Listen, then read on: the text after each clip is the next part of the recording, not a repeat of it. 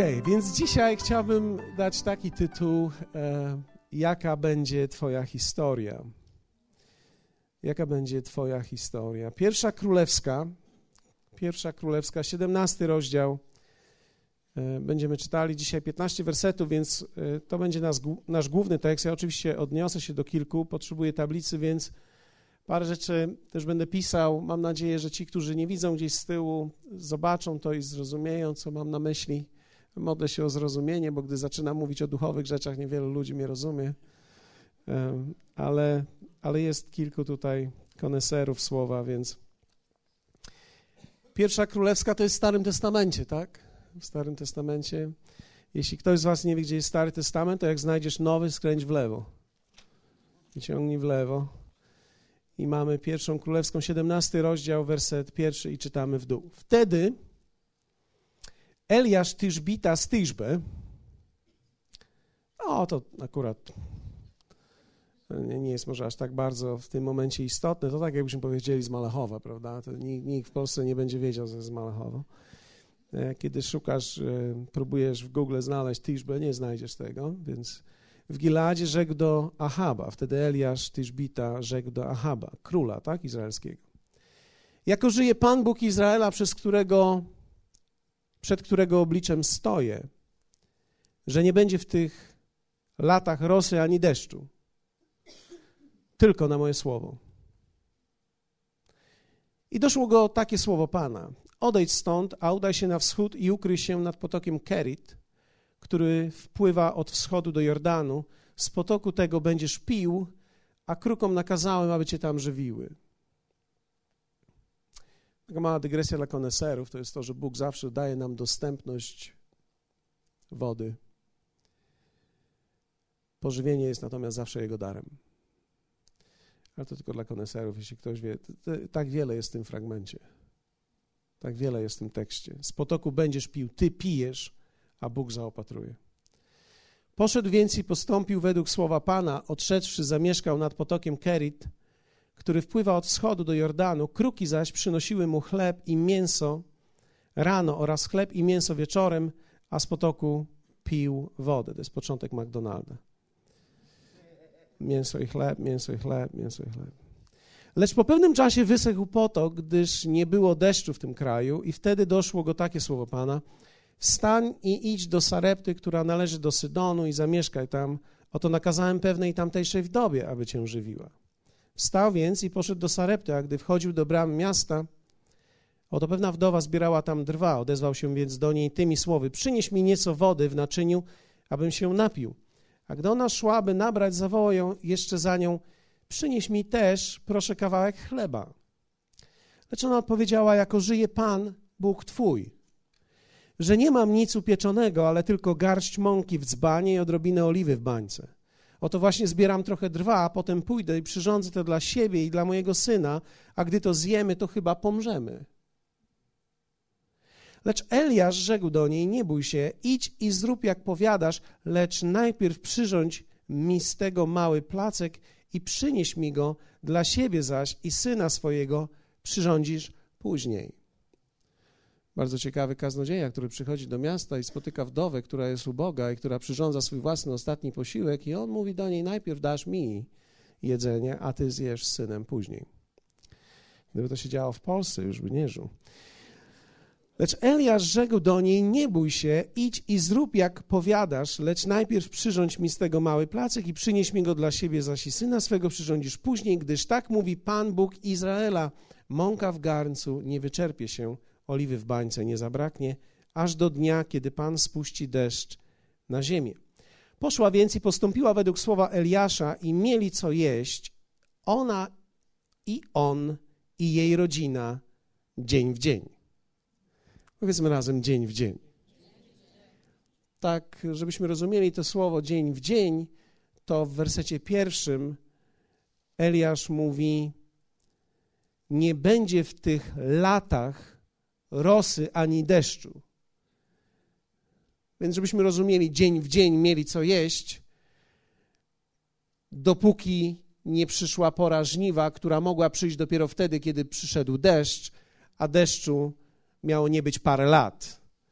I słowo mówi, że przez te parę lat, dzień w dzień, ona, jej rodzina, jej syn mieli co jeść i prorok również.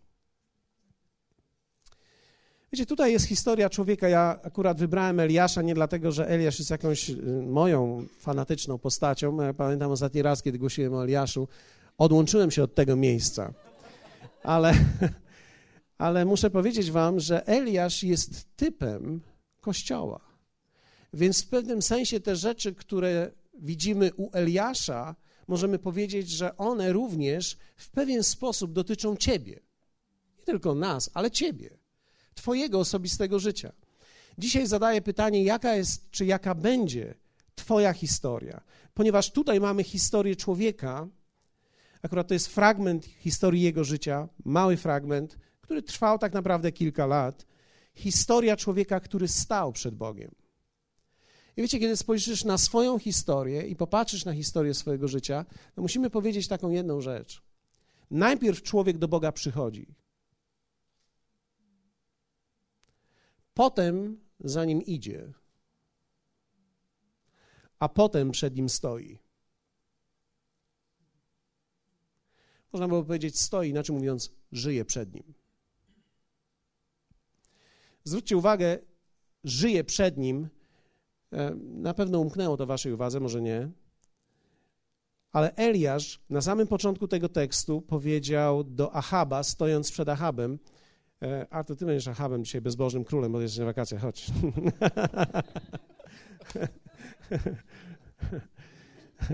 Nie, stój tu. Eliasz Tyżbita przychodzi i mówi, jako żyje Pan, Bóg Izraela, przed którego obliczem stoję.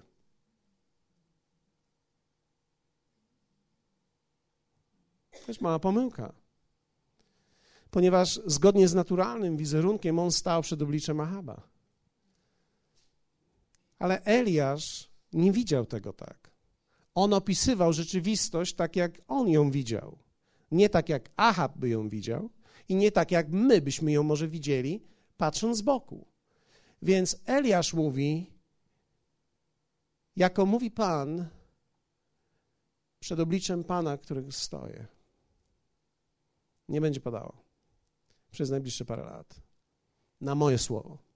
Dopiero spadnie deszcz. Na razie.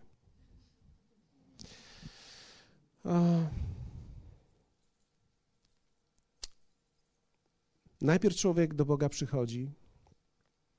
Posłuchajcie, żaden człowiek nie może przyjść do Boga, dopóki go nie zacznie szukać. Wszyscy ludzie, którzy przychodzą tutaj do tego kościoła po raz pierwszy, nie obchodzi mnie, czy im się podoba muzyka, czy im się podoba kazanie, nie ma to żadnego znaczenia. To, co jest najważniejsze, to jest, czy są w miejscu swojego życia, że szukają Pana. Ponieważ Boga nie można znaleźć przez muzykę. Nie można znaleźć przez to, że mi się podoba kazanie. Boga można tylko znaleźć, gdy się go szuka w sercu. Dobrze jest mieć dobrą muzykę, dobrze jest mieć komunikatywnego kaznodzieję, jeśli się taki trafi, albo takiego zatrudnimy, ale e, to nie są te elementy, które wpływają na to, że człowiek znajduje Boga. To, czy człowiek znajduje Boga, czy nie, zależy od tego, czy go poszukuje, czy nie. My wierzymy w to, że ludzie szukają Boga w tym mieście i szukają Boga w tym kraju. Są tak zdesperowani, że zjedzą cokolwiek. Wiecie, ludzie z głodu jedzą cokolwiek. A dzisiaj widzimy w kraju, ludzie jedzą cokolwiek. Bezsensowne rzeczy jedzą duchowe rzeczy, bezsensowne jedzą. Więc najpierw człowiek do Boga przychodzi, musi go szukać, potem za nim wyrusza, idzie, a potem przed nim stoi, albo można powiedzieć, żyje. I wiecie, kiedy patrzymy na ten moment Eliasza, to muszę powiedzieć i od razu powiem wam, że w tym miejscu człowiek nie startuje. To nie jest miejsce startu duchowego życia. Do tego miejsca się dochodzi.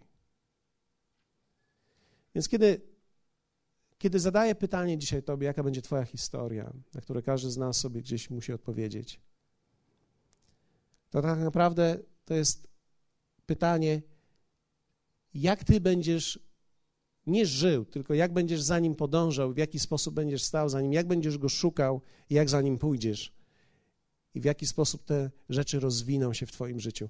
w jaki sposób dojrzejesz, czy dojrzejesz.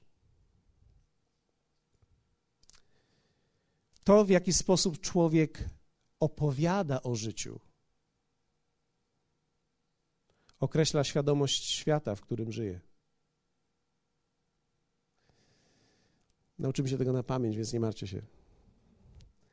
To, jak człowiek mówi, zawsze określa świadomość świata, w którym żyje. Dlatego wystarczy z kimś rozmawiać 5 minut i wiedzieć, czym żyje. Jeśli ktoś zaczyna mówić, wiesz, jakie mam problemy, jak fatalny jest ten świat, straszne jest to, wszystko jest straszne, okropne, jest ciężko, jest źle, no to my wiemy, gdzie on żyje. Na ziemi żyje. Tak? Nie tylko żyje na ziemi, żyje ziemią. Żyje ziemią i to nieodkupioną ziemią. Żyje ziemią nieodkupioną, żyje ziemią bez Boga, żyje bez świadomości Boga, bez zrozumienia Boga, bez zrozumienia Jego dróg. Wiecie, człowiek, który żyje z Panem, to nie jest człowiek, który mówi, że nie ma problemów.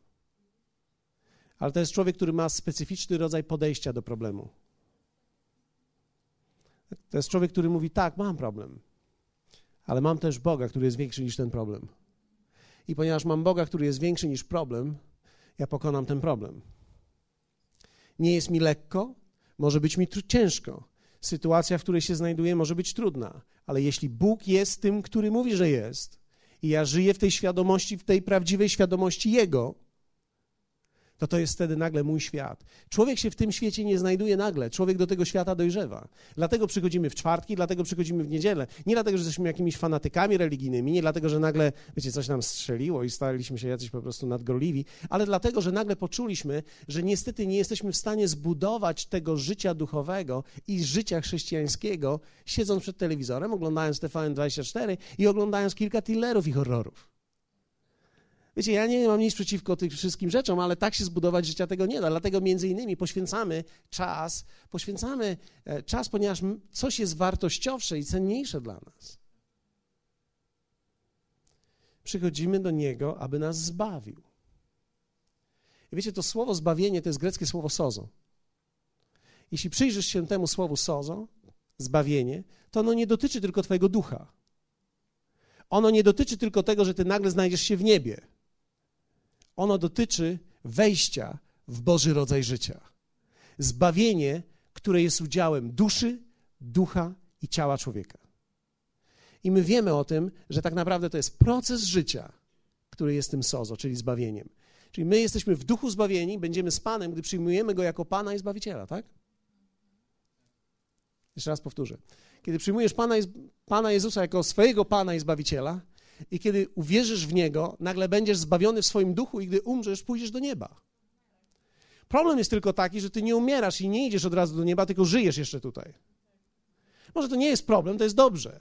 Ale fakt jest też taki, że pozostając tutaj na ziemi, musisz nagle zacząć żyć tym Bożym rodzajem życia, i to jest wyzwanie dla Twojej duszy, dla Twojego myślenia, dla Twoich emocji, dla Twoich zranień. Z tego wszystkiego będziesz musiał wyjść, i z tego wszystkiego nikt Cię nie wyciągnie, Ty sam z tego będziesz musiał wyjść. Powiedzmy razem: wychodzę. Widzisz, niektórzy potraktują to dosłownie, ale, ale, ale fakt jest taki, że ja ja muszę, z, z tych rzeczy się wychodzi, z tego nas nikt nie wyciąga.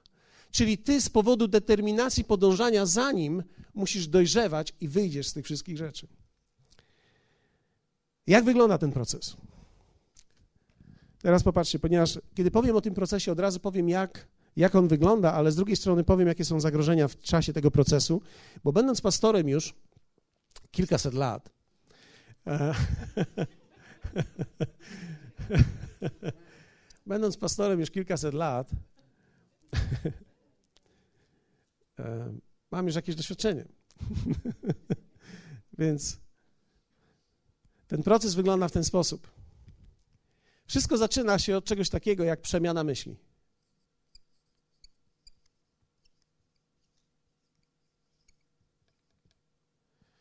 Możemy nazwać to na różne sposoby. Powiedzmy razem przemiana myśli.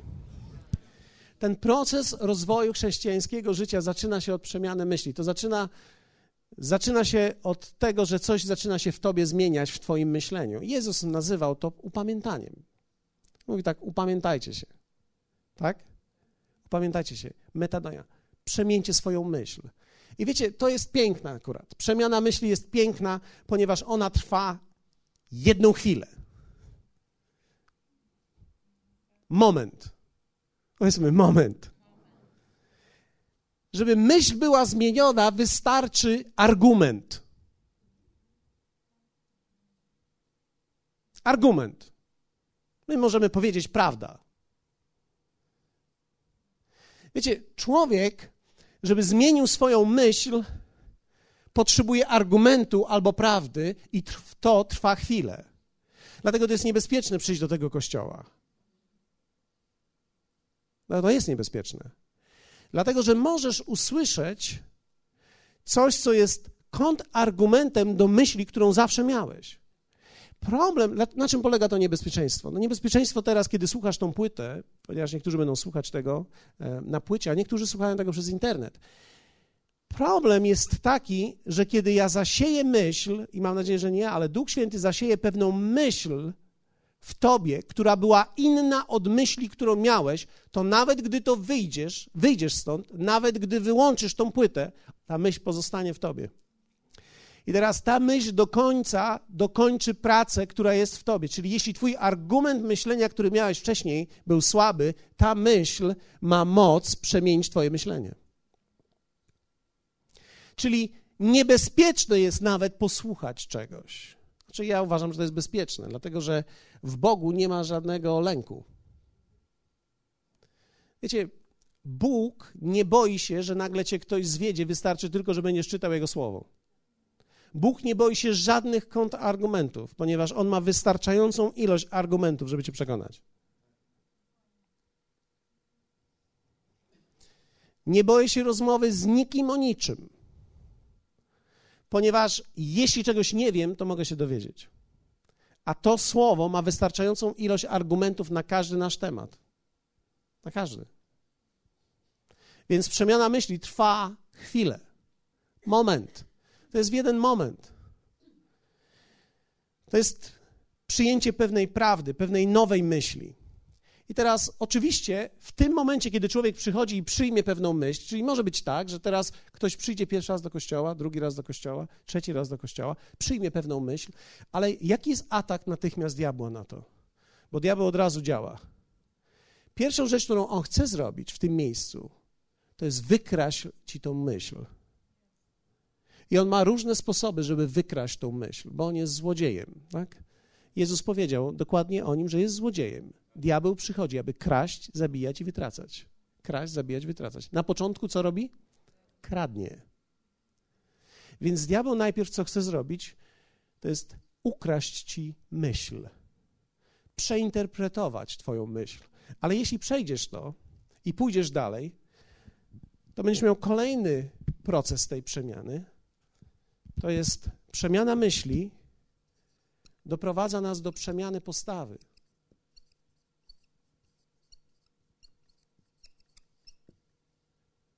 Skrobię tak specjalnie dla tych, którzy są uczuleni na to.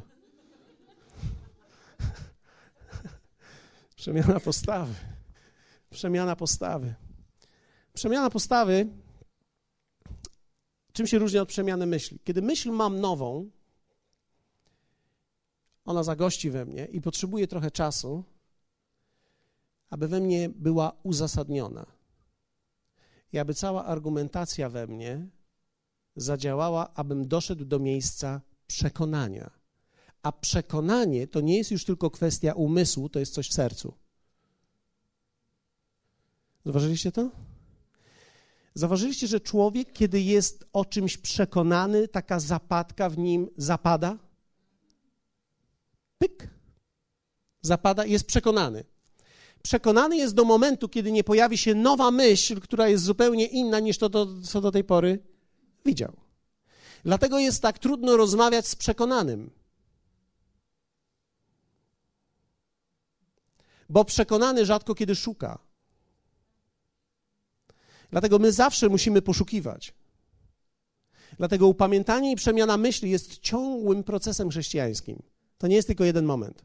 To nie jest tak, że przychodzisz do kościoła, przeczytasz katechizm, w co wierzy woda życia. Wierzy w trójce, wierzy w to, wierzy w tamto. Aha, to już wierzymy w to, to teraz ja w to wierzę. Widzisz, to jest za mało przeczytać katechizm. Ty musisz być przekonanym o czymś.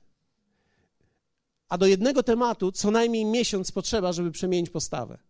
I kiedy przemieniasz postawę, nagle masz myśl i serce połączone razem. Czyli postawa jest kwestią serca, a nie umysłu tylko. Człowiek kształtuje swoją postawę.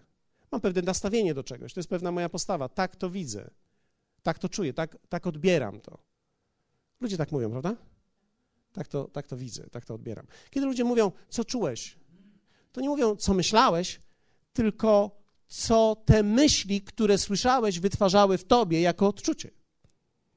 Oczywiście nie wyłączają umysłu, ale pytają, co czułeś. No co czułeś? Co czułeś, kiedy na coś patrzyłeś?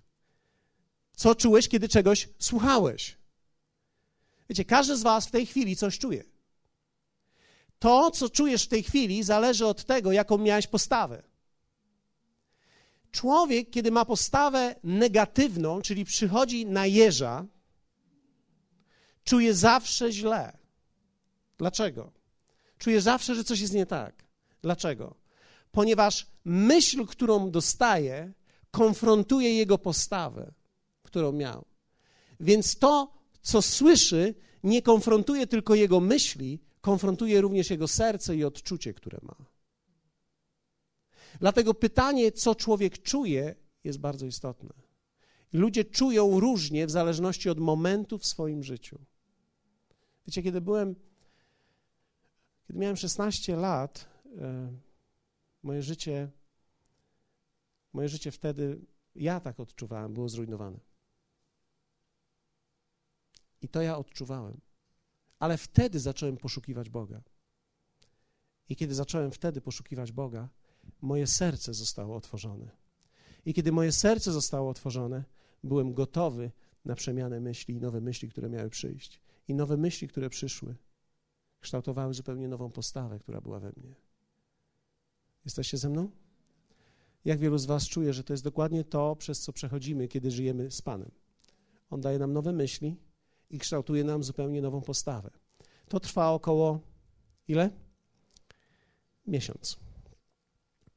W tym miejscu diabeł przychodzi i nie chce kraść, chce zabijać. Co chce zabijać? Chce zabijać myśl i jedyny sposób, żeby myśl zabić, to utworzyć tak zwaną czczą filozofię. Bądźcie ze mną, potrzebuję was w tej chwili. Mówię o czymś duchowym, więc Mat, nie wyłączaj się. W tym momencie powstają czcze filozofie i gadanie. Zwróciliście uwagę, że są ludzie, którzy będą rozmawiać o religii godzinami i nigdzie nie poruszą się w żadną stronę. Są ludzie, którzy mają zdanie na temat religii i na temat Boga i mogą rozmawiać o tym wiele, wiele godzin, ale to w ogóle nie wpływa ani na ich życie, ani nie kieruje ich w żadną stronę. Dlaczego? Ponieważ diabeł przychodzi i okręca ich w filozofię. Więc to nie zmienia ich życia. Jak wielu z Was przeszło ten moment już? Mam nadzieję, że większość, tak? Przemianę postawy. I teraz to trwa jeden miesiąc. Kolejny element procesu to przemiana stylu życia.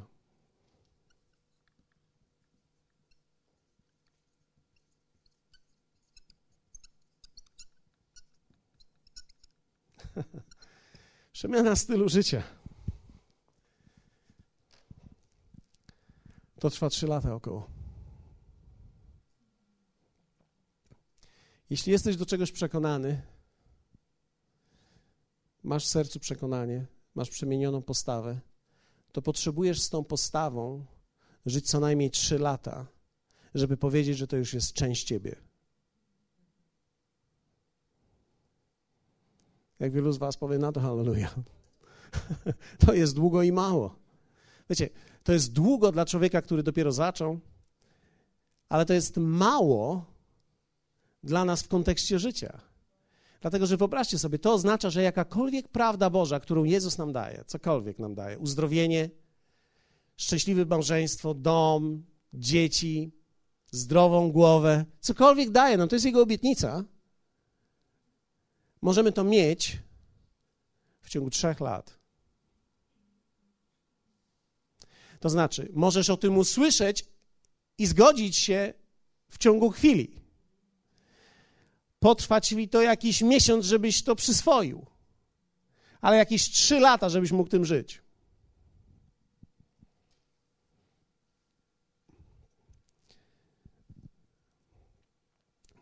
Tutaj rodzi się argument, tutaj rodzi się przemiana poprzez przekonanie, a przemiana stylu życia, tak? Argument, przekonanie.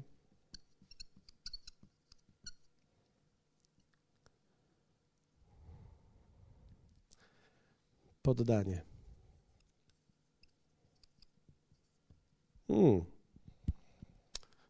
To jest ciekawy moment. Trzy lata, dlatego że okaże się, że nawet jeśli wiem, co mam robić, i nawet jeśli całym sercem się z tym zgadzam, to całym sobą żyłem w przeciwną stronę. Więc nawet nie zdaję sobie sprawy z tego, że mój pociąg jechał w tą stronę, a teraz ma jechać w tą. Więc muszę znaleźć zwrotnicę, obrócić lokomotywę, przerzucić wagoniki i ruszyć w drugą stronę. Wiecie, to jest dużo energii, to trwa ze trzy lata, ponieważ tutaj człowiek sobie nie zdaje sprawy z tego, że jedna myśl, którą ma, to nie jest tylko kwestia prostoty jej przyjęcia, to jest kwestia, że całe życie musi się teraz odwrócić. I tutaj następuje poddanie i poddawanie poszczególnych obszarów życia. Pomyśl teraz o takiej rzeczy. Jedna myśl trzy lata poddawania czegoś. Nie rok, trzy lata. Jedna myśl, trzy lata poddawania. Jeszcze raz powtórzę. Jedna myśl, trzy lata pracy, zanim stanie się to częścią ciebie. Przykład. Weźmy jakiś przykład. Pierwszy przykład z brzegu to finanse. Tu się dowiadujesz, że Bóg chce ci błogosławić. Zajmuje ci jakiś miesiąc, żeby się z tym pogodzić. To nie jest akurat bardzo ciężka prawda, żeby się z nią pogodzić. Tutaj się okazuje, że masz w sobie tyle w przeciwną stronę, że nawet o tym nie wiesz. Tutaj, tutaj nie wiesz o tym, że będziesz musiał poddać finanse. Dlatego, że tutaj w Twoich myślach ty myślałeś, że Ty jesteś porządny człowiek. A tutaj się dowiedziałeś, że ty jesteś kombinator. I że jak masz teraz zacząć żyć tą prawdą, to uu, pierwszy test, pierwszy test w finansach jest dziesięcina. I teraz wielu ludzi nie lubi tego tekstu. Wielu ludzi próbuje zrobić z tego Stary Testament. Wielu ludzi chce powiedzieć: Ja już nie jestem pod prawem, jestem pod łaską. No ale widzisz, przyjąłeś to, że Bóg chce ci błogosławić, tak? Tak. Pogodziłeś się z tym, tak? Tak. A to jest sposób, w jaki chce to zrobić. I teraz on chce tak zrobić, i ty musisz poddać siebie. Nawet nie wiesz, że oprócz tego, że jesteś chciwy, bo ty nie wiedziałeś, że jesteś chciwy. Kto z was wiedział, że jest chciwy od razu? My wszyscy byliśmy anioły, tak? zwłaszcza dla naszej mamy. Mamusia twoja zawsze mówiła, no to on jest naprawdę super. Wiecie, my wszyscy jesteśmy super. No, nie wiem, czy dla twojej mamy akurat, ale ja mówię tak, dla, dla wielu mam, tak? Ponieważ ja już spotkałem takie mamy, gdzie ma takiego negusa, że wszyscy wiedzą, że to jest negus, tylko nie ona. No, dla niej to jest sympatyczny, przesympatyczny chłop, który wszystko może. Co, że ma 39 lat, siedzi w domu, nie pracuje, to żaden problem nie jest. Człowiek nie wie, co ma.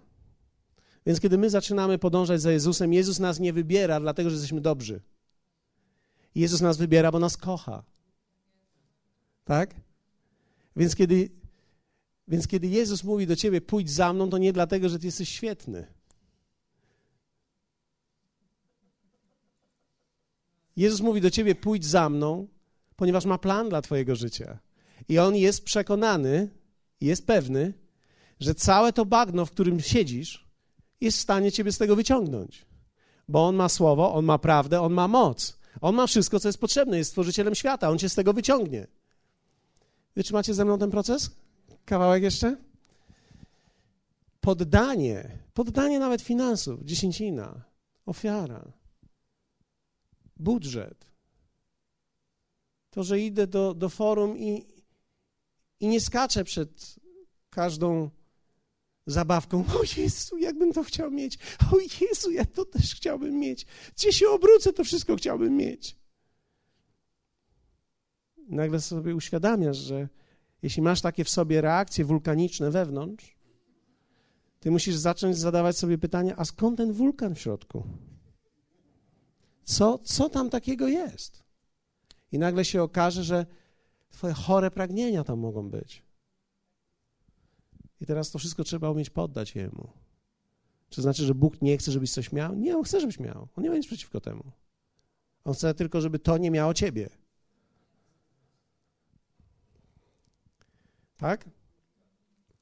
I teraz, kiedy Bóg przychodzi do Twojego życia, bo co to jest chrześcijaństwo? Jeszcze raz po, po powiedzmy sobie, chrześcijaństwo to nie jest to, że Bóg jest mi potrzebny, tak? Tylko Bóg zbawia mnie, ja za nim idę. Chrześcijaństwo to jest podążanie za Bogiem, a nie pójście swoją drogą i Bóg, który się przydaje, oczywiście. Czasu do czasu jest mi potrzebny na różne historie, prawda? Do Wigilii jest mi potrzebny, Wielkanoc jest mi potrzebny, jest w paru momentach potrzebny mi w życiu, w moich kryzysach jest mi potrzebny. Jeszcze w paru innych momentach, na ślubie jest mi potrzebny, prawda? Ale, ale Bóg powołuje ciebie i on nie ma problemu. Wiecie, Bóg nie powołuje doskonałych ludzi, Bóg powołuje ludzi. Tak? To powiedzieliśmy sobie. Czyli on nie, powoduje do, nie powołuje doskonałego człowieka, on powoduje, powołuje wszystkich tych, których powołuje. Czyli wszystkich. Dlatego, że on ma plan dla każdego człowieka. I ty, nieświęty, wchodzisz na drogę, która uświęca, która zmienia. Nie tylko zmienia morale twojego życia, on chce wprowadzić ciebie do miejsca, w którym będziesz żył z nim.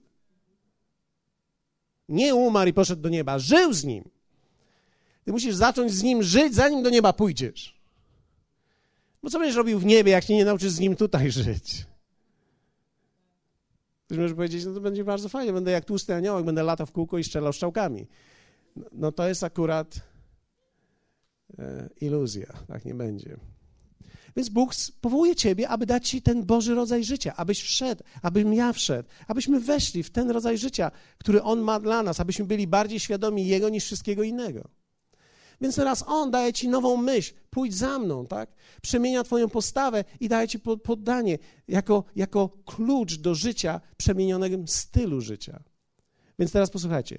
Bóg cię zbawi, jak będziesz spał w niewłaściwym łóżku. Ale On dojdzie do twojego łóżka.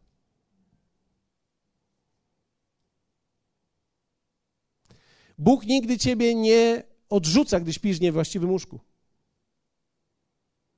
Ale On chce, żebyś łóżko wyprostował. Dlatego, że to, z kim śpisz i gdzie śpisz, ma dla Niego znaczenie.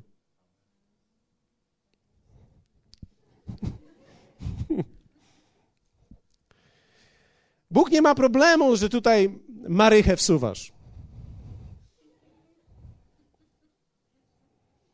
Ale on do Marysi się dobierze tutaj. On, on zada pytanie tobie, dlaczego ma, Marysia jest dla ciebie bardziej istotna niż on? Ktoś próbuje wytłumaczyć, że Marysia nie jest nic złego. Nie, no nic nie jest nic złego. No co jest złego? Jesteś zbawiony? No co może być złego? Problem jest taki, że z Marysią w jednej rączce i z piwkiem w drugiej rączce Nigdy nie rozpoznasz, do czego cię Bóg powołał. Umrzesz jak człowiek ludzki. Nigdy nie poznasz tego, do czego cię Bóg powołał. Jesteście ze mną? Nawet jak będziesz chodził do właściwego kościoła, no, właściwych nie ma, ale jakbyś chodził, byś taki znalazł.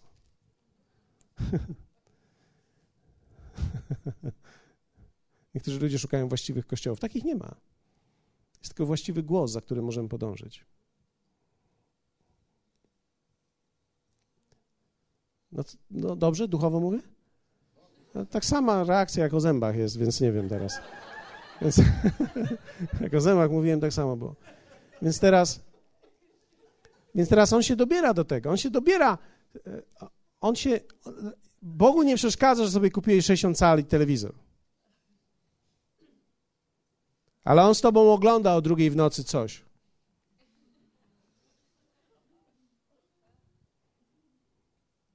I on wie o tym, że to, co oglądasz, to nie jest gimnastyka. Bo o drugiej w nocy nikt się nie gimnastykuje. Rzadko kto się gimnastykuje. Bóg nie ma problemu z tym, na co patrzyłeś tutaj. Ale on do tego dojdzie. Bo, bo ty chcesz to wszystko, co on ma dla ciebie. Ty chcesz Boży rodzaj życia. No ale ten rodzaj gimnastyki nie da ci Bożego rodzaju życia. Szczególnie teoretyczny, oglądany przez ekran.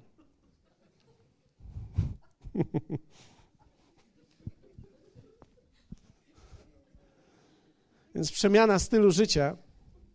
Więc e, wiecie, powiem tak. Tutaj, w tym miejscu, widziałem największy eksodus chrześcijan. Tutaj największa ilość.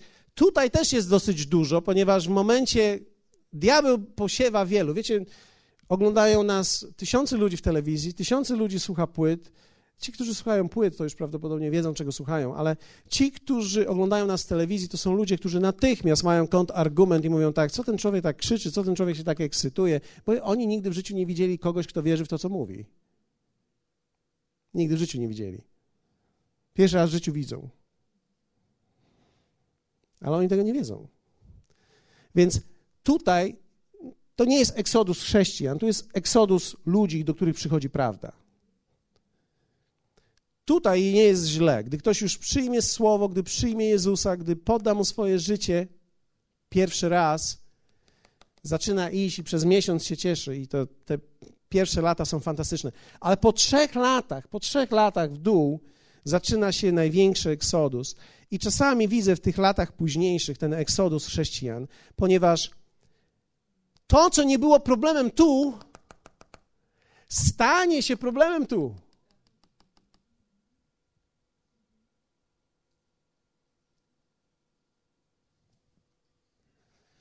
I tutaj jest poddanie. Problem z poddaniem jest taki, że nikt z nas tego nie robi publicznie. Więc to nie jest tak, ci, którzy chcą teraz poddać coś w swoim życiu, proszę, wyjdźcie do przodu. I ludzie wychodzą, poddają. Czasami widzimy, ludzie wychodzili, rzucają papierosy, gniotą je, super. Wracają z powrotem, szukają, gdzie wyrzucono te, które były wyrzucone, bo jak zostały tak raz skręcone, to może jeszcze kawałek flinty zostało. Więc chcą ją dokurzyć do końca. Tak? I, i widzimy, to, to jest żaden problem. Poddanie nigdy nie jest elementem publicznym. Człowiek, poddając się, to jest jak śmierć, to jest rodzaj śmierci, umierania dla siebie, to jest zawsze samotne. Tak? Jezus głosił do tłumów, tak? Jadł wieczerzy z dwunastoma, wziął na górę trzech i umierał sam. Nikt z nim nie umierał, kto był po jego stronie. Jan stał i patrzył, zmarł. Piotra nie było. I więc widzimy tutaj brak poddania i powolne umieranie. I teraz czwarty, ostatni element. Załóżmy, że jesteś tym, który nie poszedł w eksodus, czyli poddałeś swoje życie. Jak wielu z was chce tutaj dojść do tego miejsca? Wszyscy chcemy dojść. Przemiana następuje prze, przemiana mojego świata. Ha. Czyli nagle tutaj, w tym miejscu, następuje przemiana mojego świata. Jeśli poddałem Bogu swoje życie i żyję tak przez mniej więcej 15-20 lat, powiedzmy razem 15-20 lat, przemieniłem mój świat wokół mnie. Ludzie nawet, którzy protestowali tutaj, protestowali tutaj i krzyczeli tutaj, zaczynają pomału przestawać myśleć w kategoriach kłótni i argumentu, zaczynają myśleć, jak on żyje. I zdarza się dosyć często, że jeśli znajdziemy ludzi, to ich jest już tu niewielu akurat, którzy nie pójdą w eksodus z powodu braku poddania, tylko pójdą dalej za Panem i będą pomału przemieniać swoje życie, żyjąc z Nim i Nim, dochodzą do przemiany swojego świata i przynoszenia owoców w swoim życiu. I to jest miejsce, z którego przemawiał Eliasz. W tym miejscu swojego życia. Zwróćcie uwagę, Bóg przychodzi do niego i Eliasz nie miał reputacji żadnej. Żadnej reputacji nie miał. Przychodzi do króla i mówi: Nie będzie padać, chyba że ja powiem. I nie będzie padać parę lat. Do widzenia. Dochodzi do niego słowo Pana i Bóg mówi do niego: Idź teraz nad potok Kerit. Tam będę cię karmił McDonald's.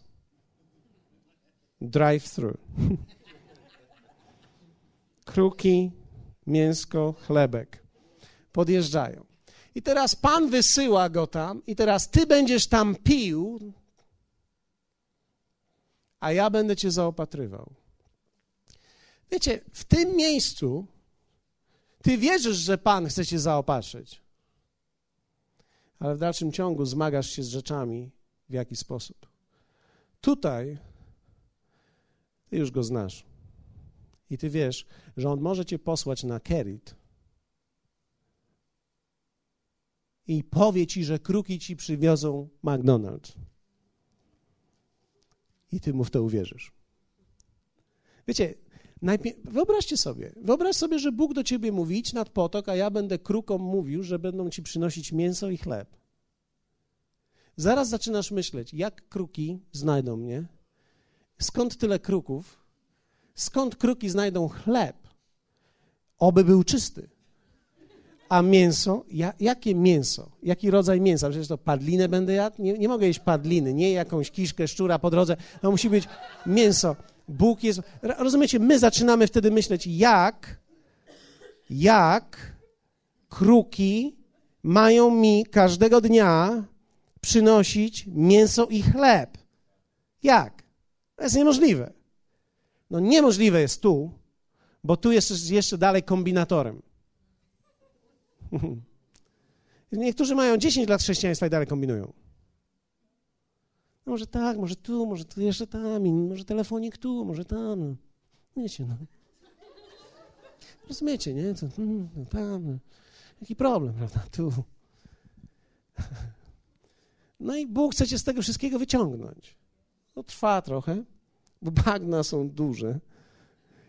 Ale w tym miejscu ty już nie, nie nie mówisz nic, ty już mówisz, ok, potok, kruki, mięso, jasne. Wszystko jest jasne, idę tam. I teraz Bóg mówi do niego, aha, wysycha potok, to jest piękne. I teraz Eliasz nie rozdziela szat i nie mówi, wysłałeś mnie tu i co? Potok wysechł.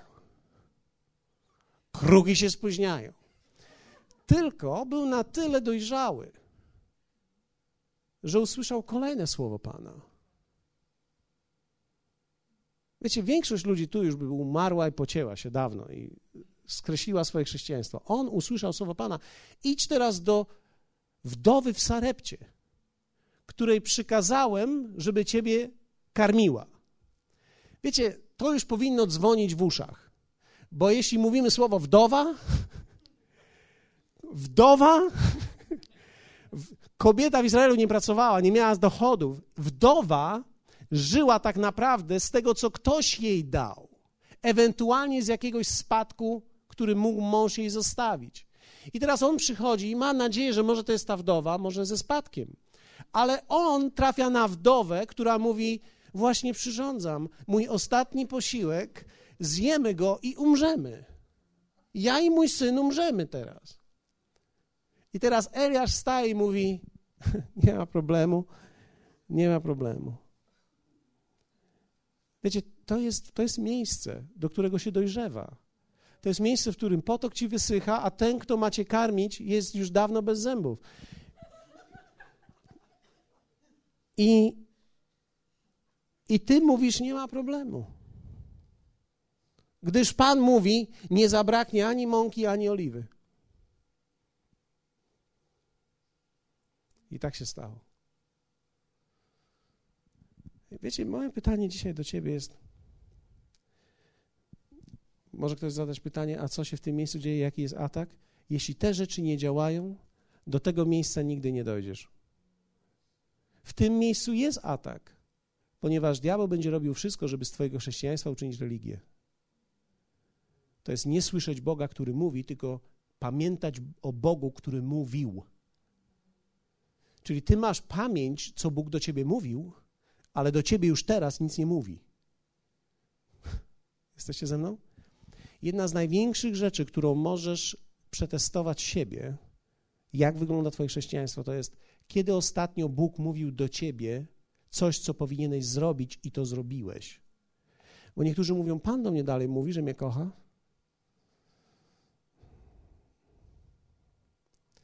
Wiecie, tak się mówi nawet do dzieci, które nic nie robią. Bóg zawsze wyznaje nam miłość. Ale powiedzieć do kogoś, żeby coś zrobił, mówisz do kogoś, kto prawdopodobnie to zrobi. I to jest, kiedy ostatnio słyszałaś takie słowo, to jest ważne. Jaka będzie Twoja historia? To jest moje pytanie. Jaka będzie moja historia? Zastanawiam się, jak wielu z nas będzie przechodziło tędy. Zastanawiam się, ilu Eksodus puści się tutaj. Nie, że wiele rzeczy, że wszystko jest źle. Nie, tu wszystko nie jest źle. Coś jednego jest nie tak. Gorycz, jakieś zgorzknienie względem kogoś, brak uzdrowienia w czymś i nagle odchodzisz. Może nawet nie od kościoła, ale od Pana. Stanie przed Bogiem w tym miejscu w tym miejscu, kiedy stajesz przed Bogiem, kiedy żyjesz z Nim i poddanie doprowadzi cię do miejsca, w którym to usunie grzech z Twojego życia. Wiecie, my grzechu nie usuwamy sami. Podążanie za Bogiem usuwa grzech z naszego życia.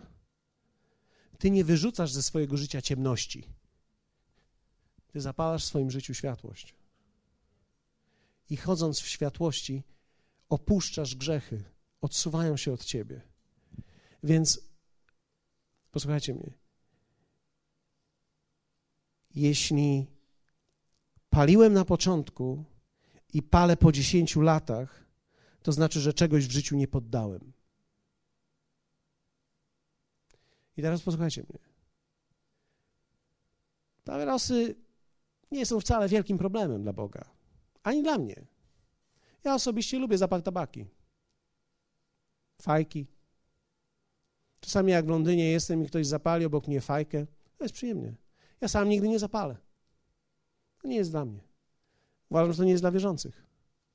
Uważam, że mamy ogień, nie dym. Uważam, że ogień jest lepszy niż dym. Niektórzy przychodzą do mnie, czasami ludzie podchodzą, masz ogień? Bardzo dużo. Tylko widzisz, ja nigdy nie zużyję mojego ognia, żebyś ty zrobił dym.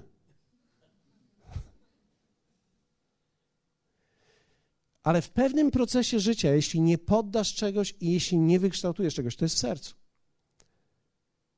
to nigdy nie dojdziesz do tego, do czego Bóg ciebie powołał. A On ma dla ciebie plan. Dlatego w pewnym momencie już siedzenie w białym koniu i pociąganie piwka to nie jest sposób na ewangelizację. To, wiecie, kiedy ktoś po 10 latach w Chrystusie idzie do białego konia i ciągnie piweczko i mówi, żaden problem, skrzyneczkę na weekend, no problem. Wiecie, problem nie jest w tym, co ty robisz. Problem jest w tym, jak żyjesz, co jest pasją twojego życia. Jesteście ze mną. Myślę, że nigdy w ten sposób z małej, wie, wiecie, to nie Bóg robi z tego wielką rzecz. To my uczyniliśmy z tego w pewnym momencie wielką rzecz. Jeśli skrzynka piwa na weekend jest dla ciebie prawdziwie cool, to znaczy, że ty uczyniłeś z tego coś wielkiego, nie Bóg.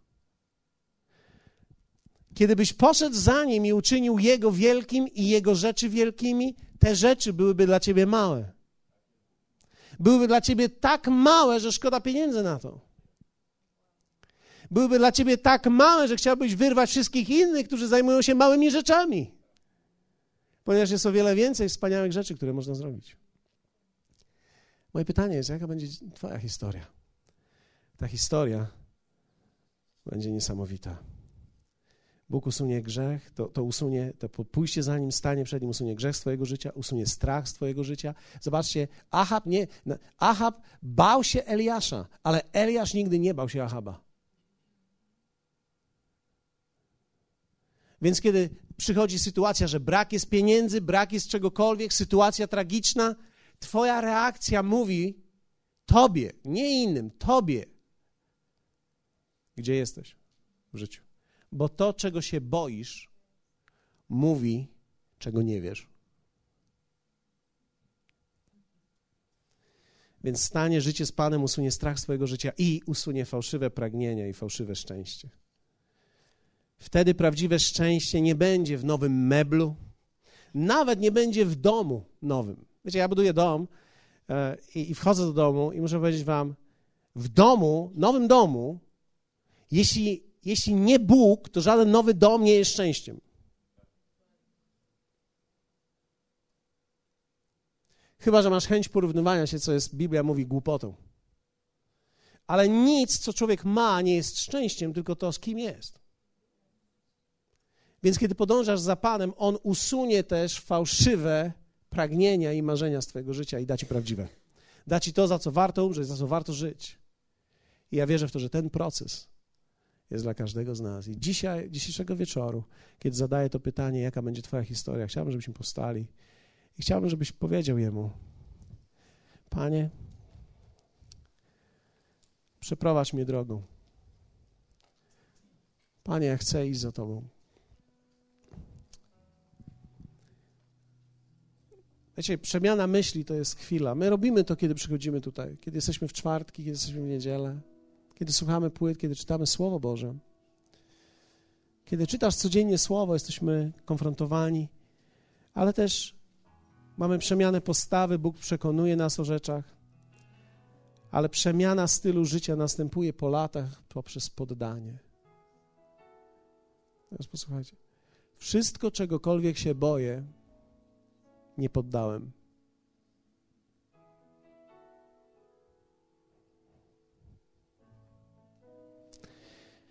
Jeśli boisz się, że będziesz biedny, nie poddałeś pieniędzy. Nie poddałeś zaopatrzenia. Jeśli boisz się, że będziesz sam, nie poddałeś swojej relacji. Czegokolwiek w życiu się boimy, nie poddaliśmy tego jeszcze. I on chce, abyśmy to poddali. Dlatego teraz, dzisiaj jest moment. Wiecie, ja wiem, wybrałem, wybrałem właśnie taki dzień, to jest, to jest taki moment. Wybrałem ten czwartek i właśnie wakacje. Ja już pomyślałem sobie, to jest najlepszy moment dla nas. Kiedy możemy powiedzieć Jemu, tak, potrzebujemy Ciebie. Chcę, chcę w życiu dojść do miejsca jak Eliasz gdzie nie będę się bał pójść tam, gdzie mnie poślesz, stanąć przed tymi, przed którymi mam stanąć, że nie będę bał się braku zaopatrzenia w różnych miejscach i że będę mógł wypełnić wszystko to, do czego mnie powołałeś. Chcę doświadczyć tego życia. Chcę być nieznanym dla świata, znanym dla królestwa.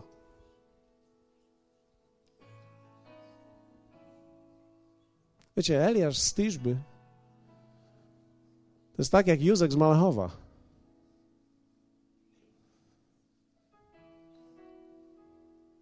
On nie był znany w świecie, ale był znany w niebie. Kiedy Jezus miał być przemieniony, Eliasz tam był. Z Mojżeszem razem stali i patrzyli, jak był przemieniany.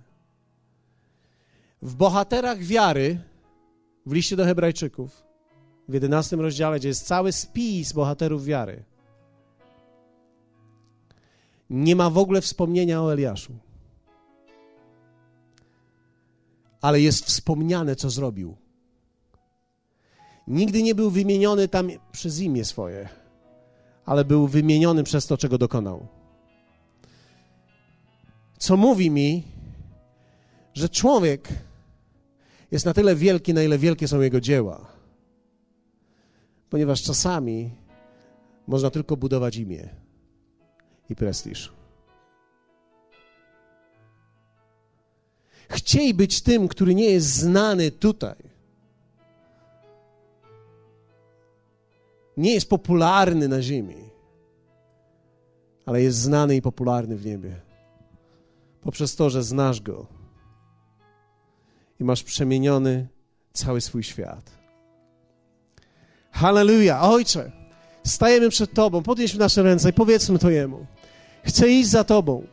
Chcę, aby moja historia życia, aby historia mojego życia była historią podążania. Chcę przemiany myśli, przemiany postawy, przemiany stylu i chcę przemienić świat, który jest wokół mnie. Prowadź mnie tą drogą. Pokaż mi rzeczy, które są jeszcze niepoddane w moim życiu. I przez Twoją łaskę chcę poddać to. Nie chcę oprzeć się na mojej sile w tym, ale chcę oprzeć się na sile, która płynie od Ciebie. Chcę iść za Tobą. Chcę być poddanym uczniem Twoim. Chcę być uczniem Jezusa. Hallelujah. Chcemy tego. Chcemy być tymi, którzy stają, którzy przed obliczem swoich największych życiowych problemów, tak jak Eliasz, który stał przed Ahamem, potrafią powiedzieć: Przed obliczem Pana, którego stoję.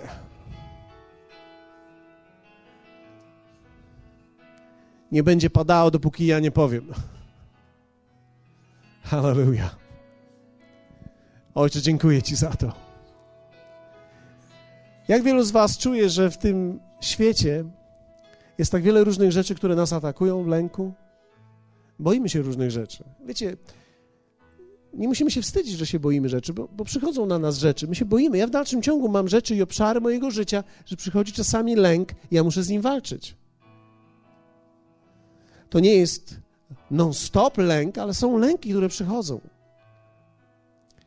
Jak wielu z Was chce dojść do tego miejsca, gdzie możesz być bardziej świadomy oblicza Boga, przed którym stoisz, niż świadomy problemu, przed którym stoisz?